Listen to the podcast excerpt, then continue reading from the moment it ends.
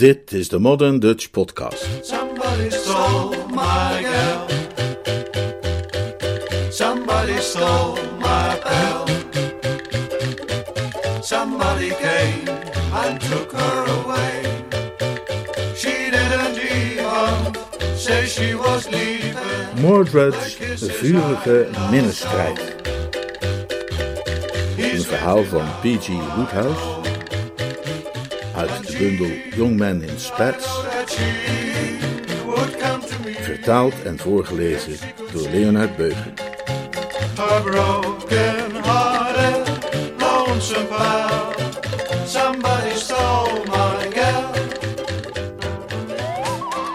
De grote pils ademde zwaar door zijn neus.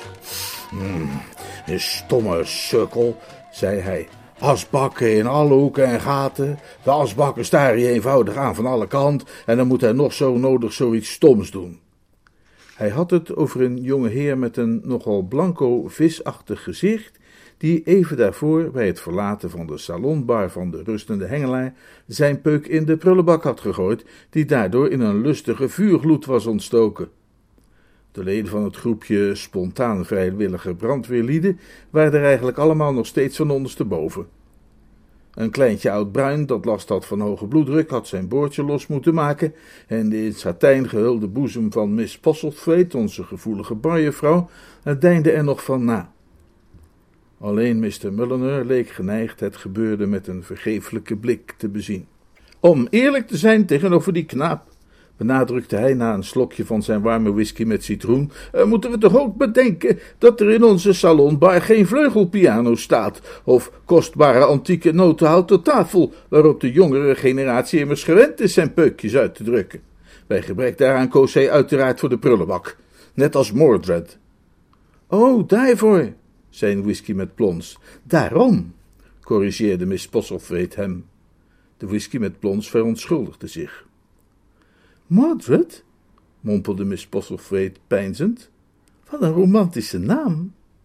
Jazeker, zei Mr. Mulliner, en een die voortreffelijk bij hem paste, want hij was een knappe, charmante en gevoelige jongeman met grote, glanzende reeënogen, fijn gesneden trekken en een fraai stel tanden.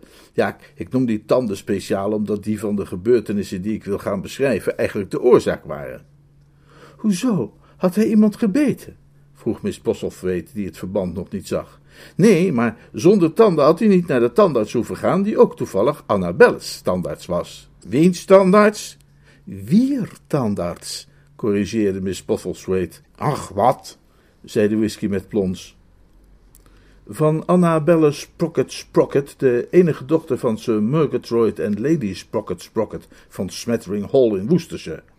Hoewel in niet alle opzichten even stipt en goed georganiseerd, zei Mr. Mulliner, ging Mordred trouw ieder half jaar naar de tandarts en op de ochtend dat mijn verhaal begint, had hij juist plaatsgenomen in de lege wachtkamer en bladerde wat door een drie maanden oud exemplaar van de Tatler, toen de deur openging en er een meisje binnenkwam bij de aanblik waarvan, of van wie, zoals onze vriendin hier mij ongetwijfeld zou willen verbeteren, bij de aanblik van wie er iets in de linkerhelft van zijn borstkas leek te ontploffen als een bom. De Tatler desintegreerde voor zijn ogen en toen hij weer een beetje bij elkaar was gekomen, besefte hij dat eindelijk de liefde voor hem was gekomen. De meeste Mulliners zijn op het eerste gezicht verliefd geworden, maar weinigen daarvan met zo'n goede reden als Mordred. Zij was een buitengewoon mooi meisje en een tijd lang hield haar schoonheid de aandacht van mijn neef volledig geboeid, met uitsluiting van alle andere dingen.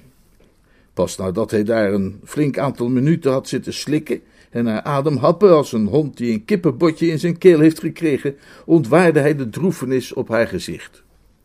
Nu zag hij dat haar ogen, waarmee ze rusteloos een vier maanden oude aflevering van Punch doorkeek, vervuld waren van pijn. Zijn hart leed om haar, en daar de atmosfeer in de wachtkamer van een tandarts iets heeft waardoor de hinderpalen van de gebruikelijke etiketten worden weggenomen, durfde hij haar wel aan te spreken. Houd moed, zei hij. Misschien is het straks helemaal niet zo erg. Wie weet rommelt hij alleen maar wat met dat spiegeltje in je mond en zegt hij dat er helemaal niets hoeft te gebeuren. Ze vertoonde een eerste glimlachje. Een flauw glimlachje, maar breed genoeg om Mordred opnieuw een hevige schok te bezorgen. Ik maak me niet zo'n zorg om de tandarts, verklaarde ze. Mijn probleem is dat ik mijlenver weg op het platteland woon en maar twee keer per jaar de kans krijg om een paar uur in Londen door te brengen. Ik had gehoopt dat ik lekker lang winkeltjes zou kunnen kijken in Bond Street, maar nu moet ik ik weet niet hoe lang wachten en ik ben bang dat ik dan straks nergens meer tijd voor heb.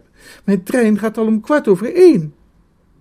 Al zijn ridderlijkheid kwam bij Mordred omhoog als een forel die opspringt uit het water. Maar gaat u dan gerust voor mij? Nee, dat kan ik niet doen. Alsjeblieft, ik zal met plezier wachten. Het geeft me de kans mijn achterstallig leeswerk wat op te halen. Tja, als u het niet erg vindt. Aangezien Mordred inmiddels van ganser harte bereid was om draken voor haar te verslaan, of naar de hoogste toppen van de Alpen te klimmen om edelwijs voor haar te plukken, kon hij haar probleemloos verzekeren dat hij het absoluut niet erg vond om nog wat langer te wachten. Dus ging zij even later de spreekkamer binnen en schonk hem een dankbare blik en een verlegen glimlachje waar hij bijna van dubbel sloeg. Vervolgens stak hij een sigaret op en verviel in een mijmerij. Toen ze na een tijdje weer naar buiten kwam, sprong hij op en wierp uit beleefdheid zijn sigaret weg. In de prullenbak. Ze slaakte een kreetje. Mordred greep snel de sigaret weer terug. Hé, wat dom van mij, zei hij met een zelfbestraffend lachje. Dat doe ik nou altijd. Verstrooid. Zo heb ik dit jaar al twee keer een flat in brand laten vliegen. Haar adem stokte. En zijn die helemaal afgebrand? Nou, niet helemaal. Het ging om uh, appartementen op de bovenste verdieping. Maar u had ze dus wel in brand gestoken? Ja, ja. Wel echt in brand gestoken. Nou zeg. Ze leek even te peinzen. Maar goed, dan zeg ik u gedag, Mr. Uh, Mulliner. Mordred Mulliner. Goedendag, Mr. Mulliner, en hartelijk bedankt. Tot uw dienst, Miss uh, Sprocket Sprocket. Tot uw dienst, Miss Sprocket Sprocket. Het was me een genoegen. Ze liep naar buiten en zelf lag hij een paar minuten later achterover in de tandartsstoel, vervuld van een oneindige droefenis. Dat was niet te wijten aan enige activiteit van de tandarts, die uh, alleen maar met een spijtig zuchtje opmerkte dat er deze keer niet zoveel voor hem te doen leek, maar aan het feit dat zijn leven nu verder was als een lege vlakte, een woestijn. Hij was hopeloos verliefd op dat meisje en zou haar nooit meer zien. Een geval van schepen die elkaar passeren in de wachtkamer. Stelt u zich voor hoe verbaasd hij dus was toen hij de volgende dag bij de middagpost een brief ontving met de volgende inhoud: Smattering Hall, Lower Smattering on the Whistle, Worcestershire. Geachte Mr. Mulliner. Mijn dochter heeft mij verteld hoe vriendelijk u voor haar geweest bent bij de tandarts. Ik kan u nauwelijks zeggen hoe dankbaar zij was. Zij vindt het zo heerlijk om door Bond Street te lopen en met haar neus tegen de etalages van juweliers te staan, en zonder u zou het een half jaar hebben geduurd eer zij zich weer daarop had kunnen trakteren. Ik neem aan dat u het heel druk heeft, zoals iedereen in Londen, maar mocht u daartoe de mogelijkheid zien, dan zou u mijn echtgenoot en mij een groot plezier doen door eens langs te komen en een paar dagen te blijven logeren. Een lang weekend, of misschien nog wat langer, wanneer u daar de tijd voor kunt vinden. Met hartelijke groeten, uw toegenegen Aurelia Sprocket Sprocket.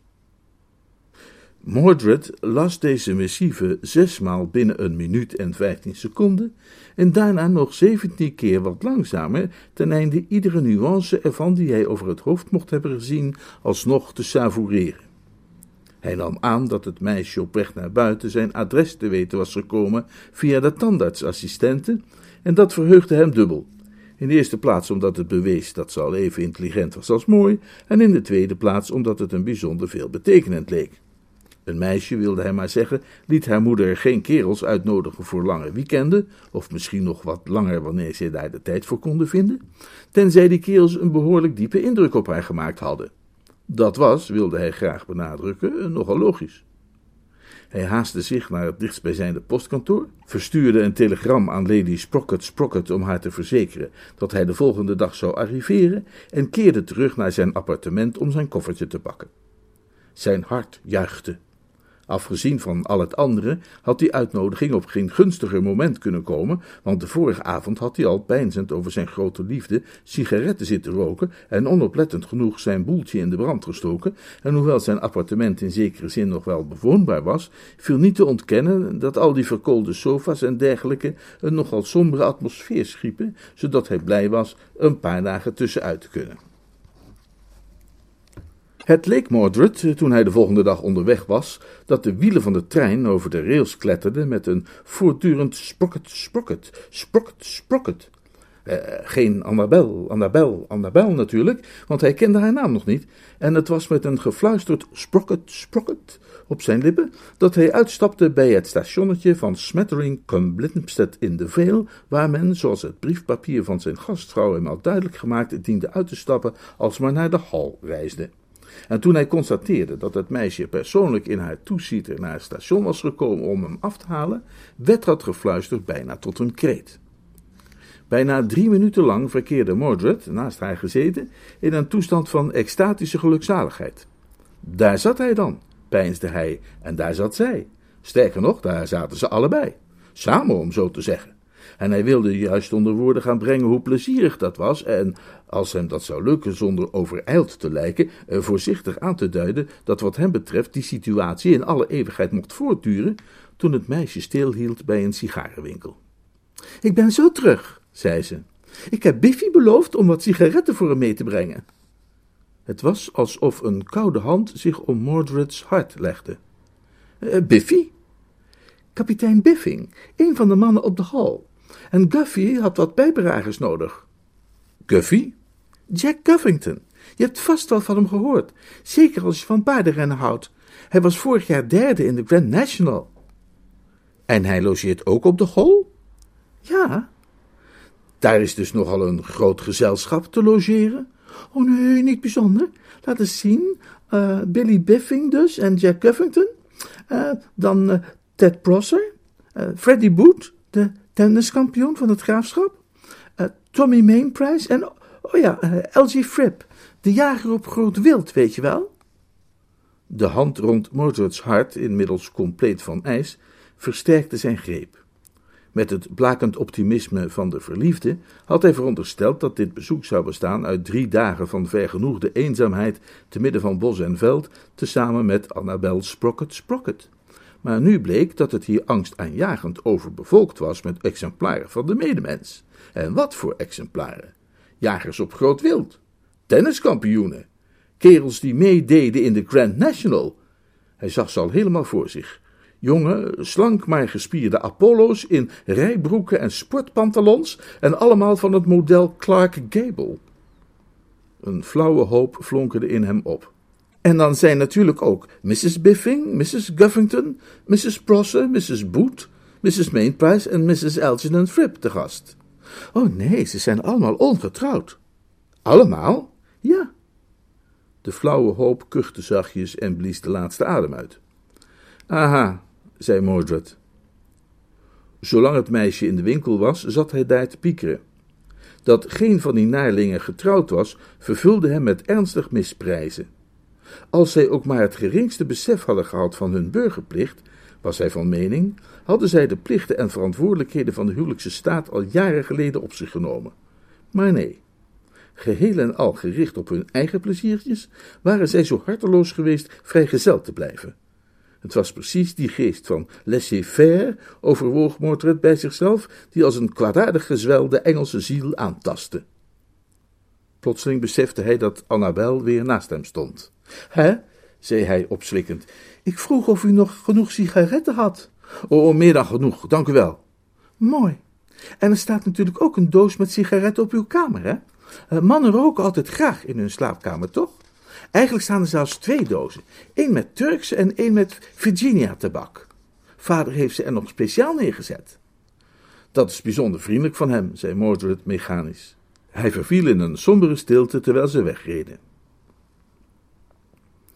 Ik heb u mijn neef tot hier getoond als somber, angstig en gekweld door duistere vooruitzichten. Het zou plezierig zijn, zei Mr. Mulliner, als ik nu kon zeggen dat het hartelijke, typisch Engelse welkom dat ze Murgatroyd en Lady Sprocket Sprocket hem bereidden bij zijn aankomst op de hall, hem hadden kunnen opvrolijken, en dat het hem opnieuw een hart onder de riem had gestoken. Niets zou mij ook groter genoeg hebben gedaan dan te mogen vertellen dat toen hij ze ontmoette, al die biffies en guffies armzalige onderkruipsels bleken te zijn met smoelen die geen enkele sympathie of genegenheid zouden kunnen oproepen bij een gezonde, fatsoenlijke vrouw. Maar ik moet mij nu eenmaal strikt aan de feiten houden. Hoe hartelijk, ja zelfs wat al te hartelijk, zijn gastheer en gastvrouw zich ook toonden, hun vriendelijkheid raakte hem niet. En zijn rivalen waren allerminst een stelletje minkukels. Het waren stuk voor stuk voorbeelden van mannelijke schoonheid. En te moeten aanzien hoe zij allemaal overduidelijk bewonderaars waren van Annabel, stak mijn neef als met een scherp mes. En dan was er bovendien nog Smettering Hall zelf. Smettering Hall vernietigde Mordred's laatste hoop. Het was een van die enorme huizen die je overal op het Engelse platteland tegenkomt en die door de oorspronkelijke bouwers kennelijk bedoeld waren voor gezinnen van 25 personen of zo en een huishoudelijke staf van meer dan 100. Een mens voelt zich pas ergens thuis, moeten die lieden bij zichzelf gezegd hebben, wanneer je een beetje de ruimte hebt. En zo was ook dit reusachtige, majesteitelijke bouwwerk tot stand gekomen. Romantici haalden zich bij de aanblik ervan geharnaste ridders voor de geest die ten kruisvaart trokken. Zakelijke types bedachten eerder dat het een lieve duit moest kosten om zoiets te onderhouden. Mordred's reactie toen hij door de voordeur naar binnen ging, was meer een soort misselijk gevoel, een onoverkomelijke wanhoop. Stel, vroeg hij zichzelf af, dat hij als door een wonder haar hart zou weten te winnen in de strijd tegen al die biffies en guffies, hoe zou hij dan ooit Annabel durven wegvoeren uit een huis als dit?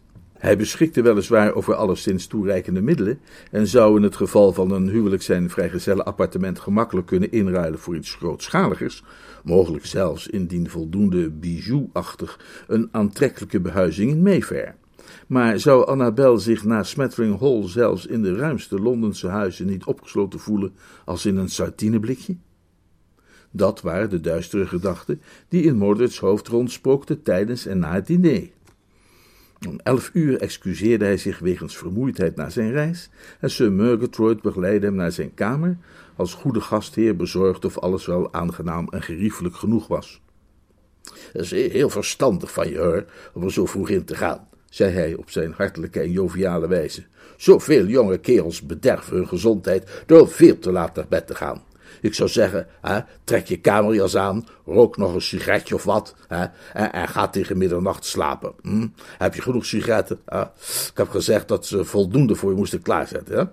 Hè? persoonlijk vind ik zo'n rokertje voor het slapen gaan prettigste van de hele dag. Niemand om je te storen en dat soort dingen. En, en, als je nog wat aan je correspondentie wilt werken, nou, daar ligt hier genoeg papier, hè, hè, en daar staat de prullenbak. Komt altijd van pas, daar, zie je. Nou, wel trusten dan maar, beste jongen, hè? Hm, wel trusten. De deur ging dicht en Mordred trok als voorzien zijn kamerjas aan en stak een sigaretje op. Maar hoewel hij daarna ook inderdaad achter het bureau ging zitten, was het allerminst om brieven te gaan schrijven. Hij was van plan een gedicht te componeren, opgedragen aan Annabel Sprocket Sprocket. Hij had het de hele avond al in zich voelen opborrelen en hij zou onmogelijk kunnen slapen wanneer hij dat er niet uit had gekregen. Tot dan toe, moet ik niet vergeten te zeggen, was de poëzie van mijn neef, die tot de moderne, vrijmoedige school van dichters behoorde, altijd streng en sober geweest, in rijmloze verzen, en had voornamelijk gehandeld over dode lichamen en de geur van doorgekookte kool. Maar nu, terwijl het maanlicht het balkon daarbuiten met zijn stralen verzilverde, liepen zijn gedachten en zijn pen over van woorden als minnen en van binnen, en zuchten en zomerluchten. Blauwe ogen, schreef Mordred. Zoete lippen, schreef Mordred. O ogen die ik glanzen zie, o liefje, o duifje, o lippen rood. Met een gedempte kreet vol ergernis scheurde hij het blad papier doormidden en wierp het in de prullenbak. Blauwe ogen die mijn ziel verzengen en lippen die mijn harteklop doen zwijgen, pompom, pompom en nog iets brengen of lengen en huppelde pup pompom doen stijgen of rijgen of tijgen of iets verkrijgen Nou. Ehm, eh, mijn ziel verzengd door blauwe ogen, mijn hart verstomd door zoete lippen, o had ik tom tom tom gewogen, of gelogen, dan lang, kort lang, kort lang, kort sippen. Mm.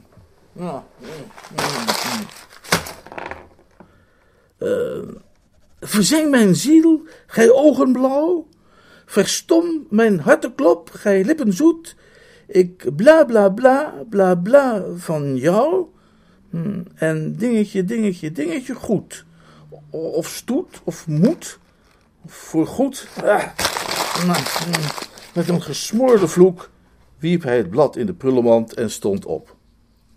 De prullenmand was nu bijna vol, maar zijn dichterziel zei hem dat hij de perfectie nog altijd niet bereikt had.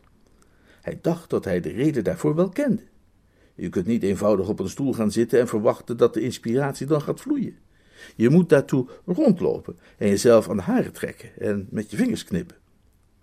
Het was zijn bedoeling geweest wat door zijn kamer heen en weer te lopen, maar het maanlicht dat door het open raam naar binnen viel, lokte hem naar buiten. Hij stapte op het balkon.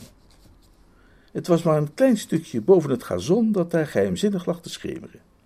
Hij liet zich spontaan over de stenen balustrade naar beneden glijden. Het effect was toverachtig. Door de verbeterde omstandigheden aangevuurd, leverde zijn muze inderdaad meteen ook beter werk. Ditmaal, erkende Mordred, had zij de roos getroffen en kwaliteit geleverd. Eén keer het gazon op en neer en hij kwam al met het volgende. Aan Annabelle, hoe lacht jouw mond, hoe glanst jouw oog, als sterrenhemels, zomerluchten blauw. Jouw schoonheid voert mijn ziel omhoog. Kort lang, kort lang, ik hou van jou.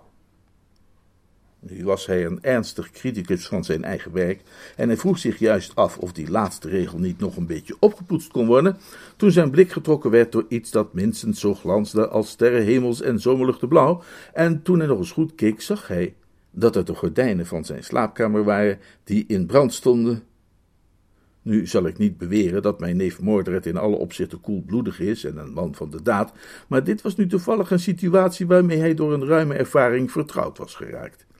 Hij was bekend met het protocol. Brand! Brand! riep hij. Er verscheen een hoofd uit een raam op de bovenverdieping. Hij herkende het als dat van kapitein Biffing. Hè? riep kapitein Biffing. Brand! Wat? Wat?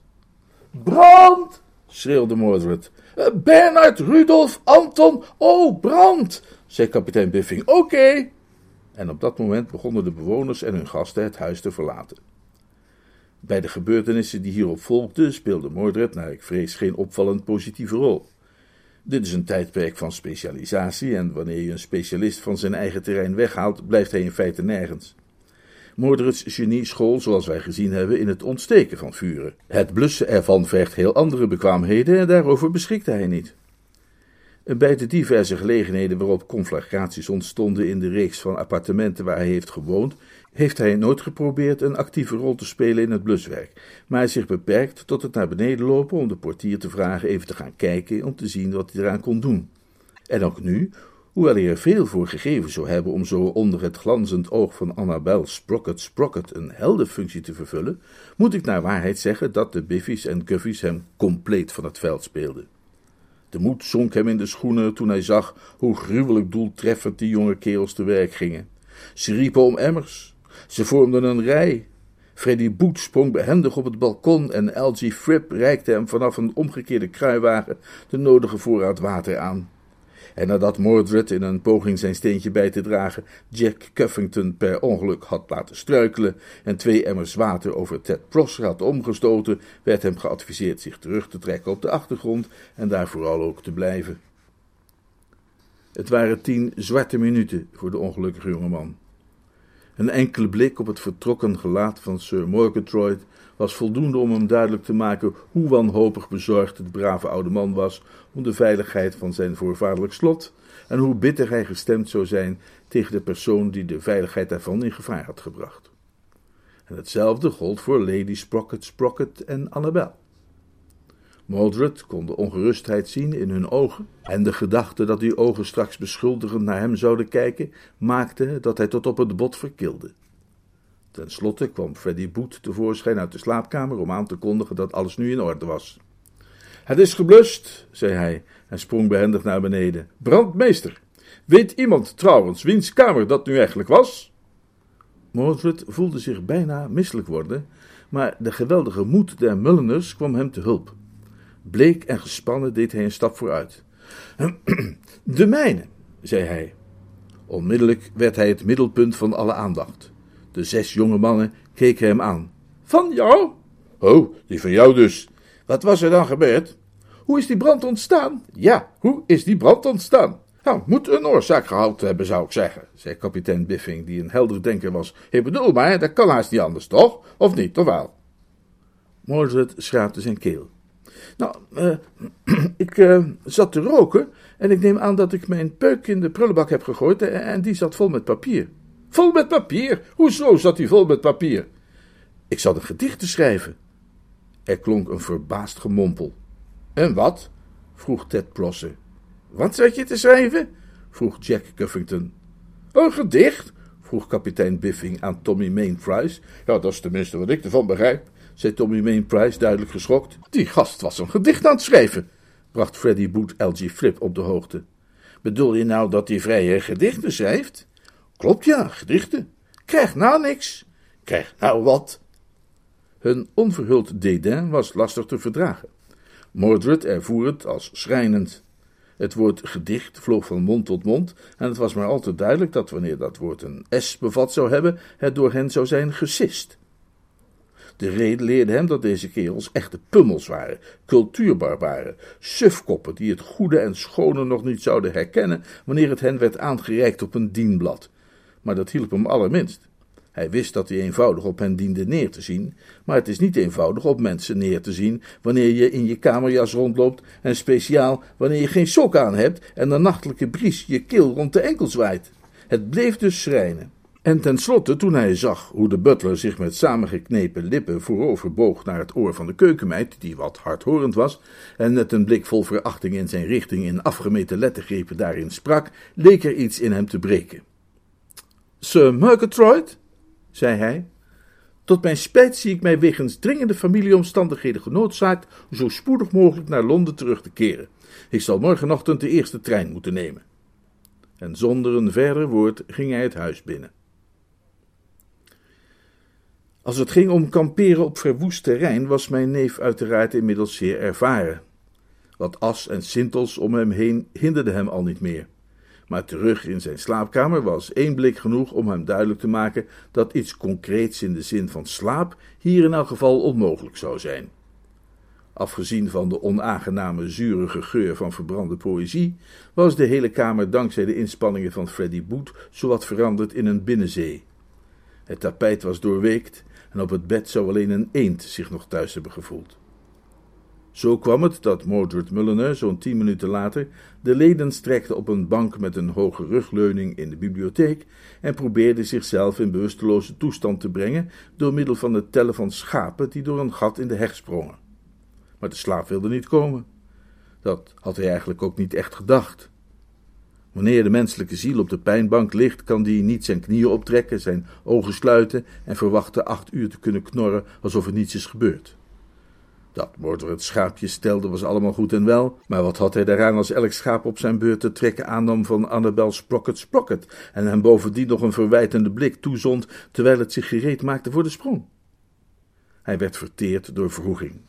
Hij werd gekweld door droefenis en spijt om wat had kunnen zijn. Hij wilde niet beweren dat hij met al die biffies en guffies in de concurrentie ooit een kans had gehad van meer dan honderd om acht, om de hand van het meisje te winnen, maar hij had tenminste zijn ijzer in het vuur gehad. En nu lag hij er definitief uit. Mordred mocht dan een dromer zijn, een romanticus en een tikje wereldvreemd. Hij had genoeg gezond verstand om in te zien dat het allerergste wat je kunt doen als je een gunstige indruk probeert te maken op het door jou bewonderde meisje, is brand te stichten in het huis van haar jeugd, waarvan zij ongetwijfeld elke steen en spijker lief heeft sinds de tijd dat zij uit de luiers is. Toen hij tot hier gevorderd was bij zijn overwegingen en op het punt stond zijn 232ste schaap door het gat in de heg te sturen, flitste onverwacht de lampen aan in het vertrek met een effect alsof er een kneedbom ontplofte. Een ogenblik lag hij na te rillen, maar toen stak hij zijn hoofd om de hoek van de bank om te zien wie hij op bezoek had gekregen. Er was een groepje van drie mensen binnengekomen. Voorop Sir Murgatroyd, die een blad met sandwiches droeg, Daarna Lady Sprocket Sprocket met de spuitwatersifon en de glazen. En tenslotte Annabel die een fles whisky en twee flesjes gemberbier bij zich had. Het was overduidelijk dat zij zich hier aan het verzamelen waren voor overleg van de gezinsraad, en Mordred, die net als alle Mulleners afluisterpraktijken van wat voor aard dan ook verafschuwde, zou het liefst meteen zijn opgesprongen om zich met zijn deken en een beleefd neem mij niet kwalijk, naar elders te begeven, wanneer er niet iets was geweest dat zulks verhinderde. Hij had namelijk, toen hij zich hier een slaapplaats bereidde, zijn pantoffels onder de bank geschopt en kon er nu niet meer bij.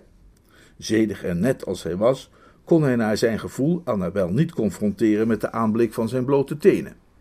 Hij bleef daar dus stilletjes liggen, en ook verder heerste er vooralsnog een stilte in het vertrek, die uitsluitend verbroken werd door het ruisen van sodawater en de plop- en sisgeluiden van het openen van de flesjes gemberbier. Ten slotte nam Sir Murgatroyd het woord. Tja, dat was dan dat, sprak hij somber.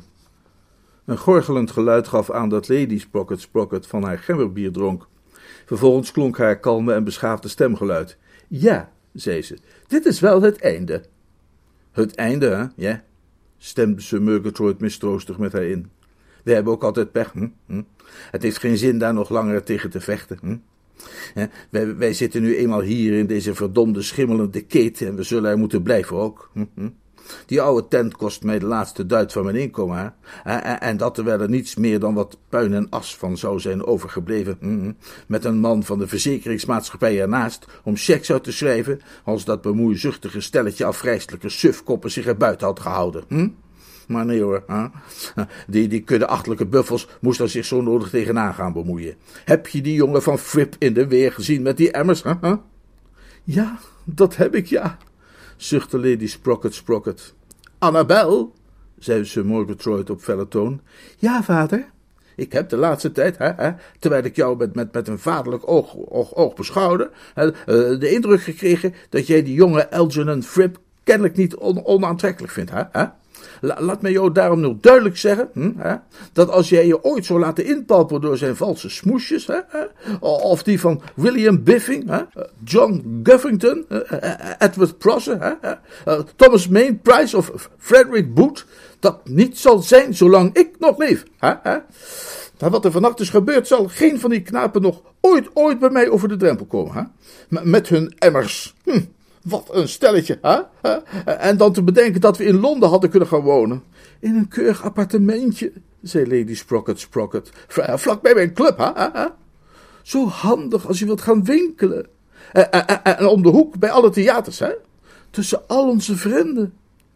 Als, somde Sir Murgatroyd nog eens op, die, die, die verderfelijke Guffingtons, hè, die, die Biffings en, en die onuitstaanbare Frips zich, zich nu eens gewoon nergens mee bemoeid hadden. Hè, hè, hè.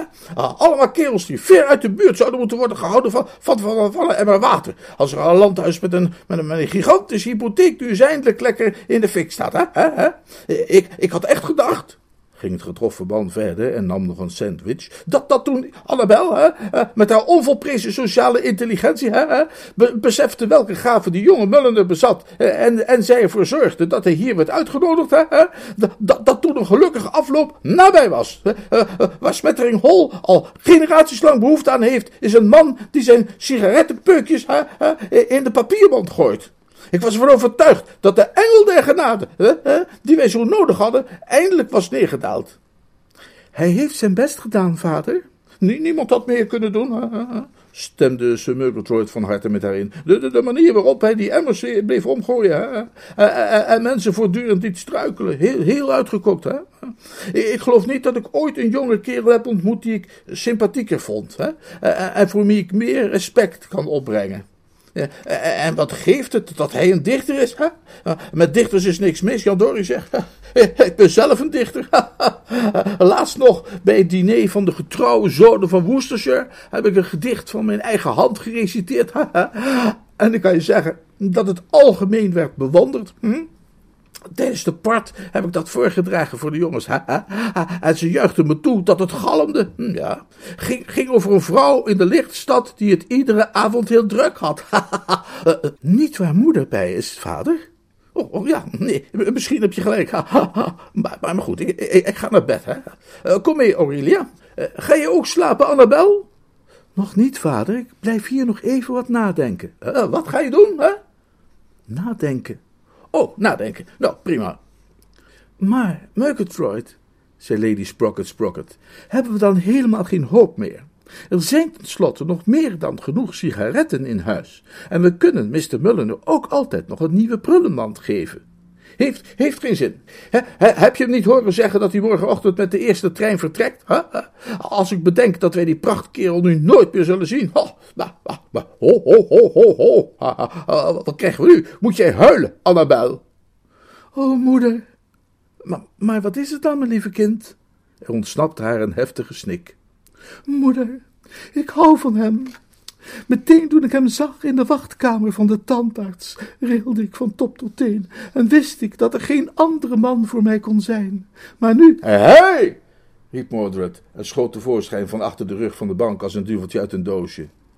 Hij had met groeiend begrip geluisterd naar het gesprek dat ik hiervoor heb weergegeven, maar was ervoor teruggeschrokken zich te vertonen, zoals ik al zei, vanwege zijn blote tenen. Maar dit was te veel. Tenen of geen tenen, hier moest hij bij zijn. Ha, ha, hou jij van mij, Annabel? riep hij uit. Zijn plotseling opduiken, dat hoef ik nauwelijks te zeggen, had een zekere reactie veroorzaakt bij de aanwezigen.